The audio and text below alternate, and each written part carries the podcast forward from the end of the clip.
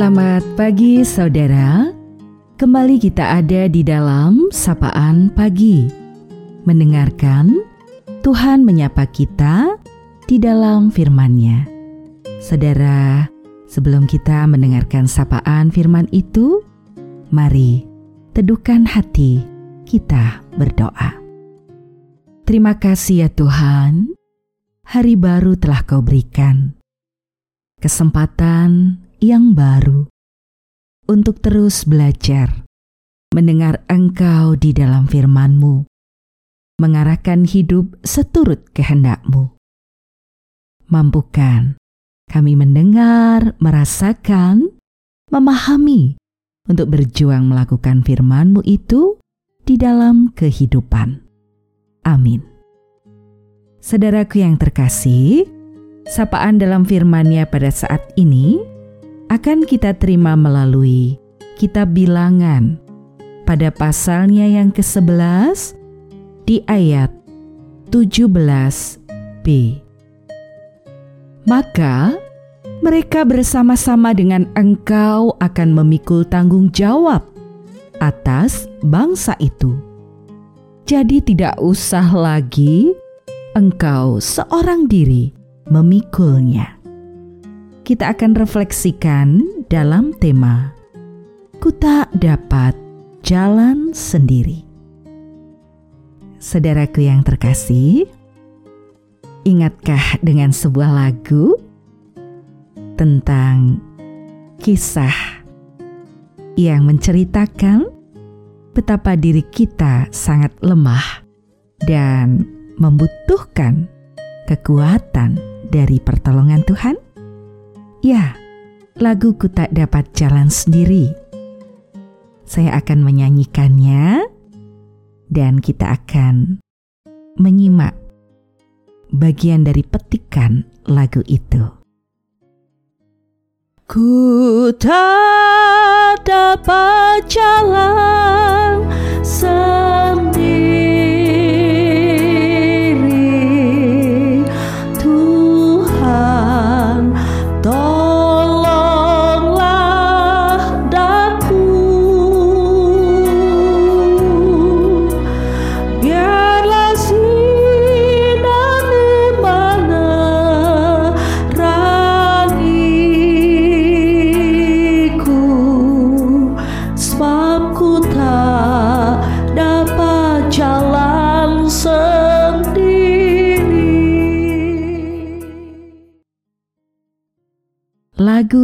itu mengingatkan bahwa sekuat-kuatnya kita sebagai manusia, ada saatnya kita merasa sangat lemah.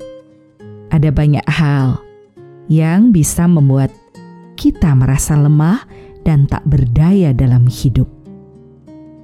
Bisa dari kondisi fisik ataupun psikis kita. Dan di saat seperti itulah kita sungguh membutuhkan kehadiran orang lain. Kita membutuhkan pertolongan orang lain.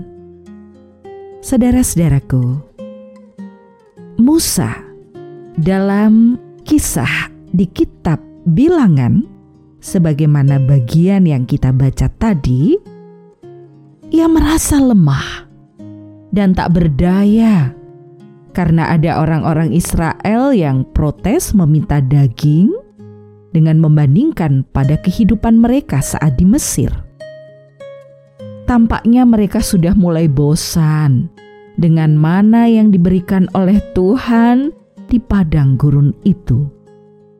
Di saat seperti itulah, saudara, Musa merasa sungguh lemah, tak berdaya, dan bahkan kehilangan pengharapan ia merasa tidak tahu apa yang harus ia lakukan, sehingga ia berkeluh kesah kepada Tuhan. Ia merasa seorang diri melakukan tugasnya.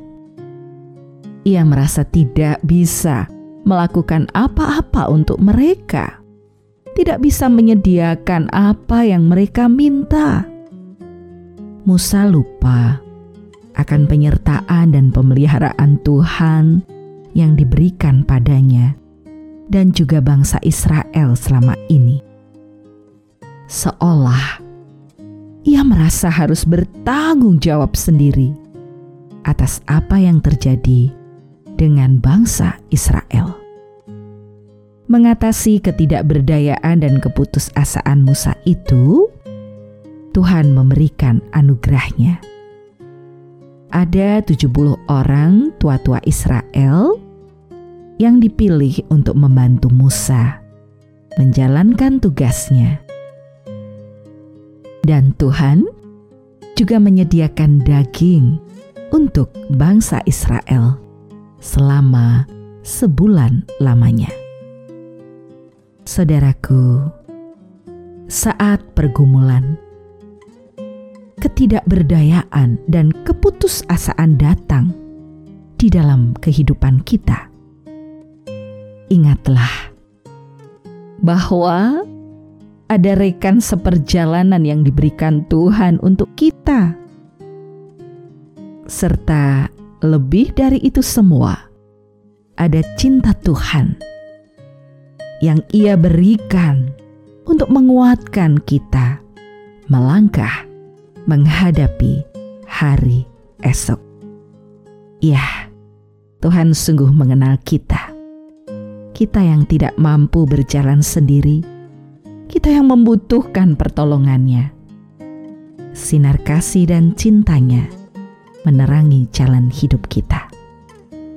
Ku tak dapat jalan sendiri. Aku sungguh membutuhkanmu, ya Tuhan. Dalam pergumulan hidup ini, mari kita menaruh segalanya di antara berbagai upaya yang kita lakukan dalam penyerahan diri kepada cinta kasih Tuhan. Saudaraku, terus jalani hidup ini dengan penuh rasa syukur dalam untayan suka dukanya, berserah dalam kasihnya. Dan kita akan akhiri sapaan pada pagi hari ini. Mari teduhkan hatimu kembali, kita berdoa. Terima kasih Tuhan. Engkaulah sumber pertolongan kami, menyertai setiap langkah hidup yang kami jalani, di suka ataupun duka. Engkau menjadi kekuatan, pengharapan dalam berbagai kondisi derita.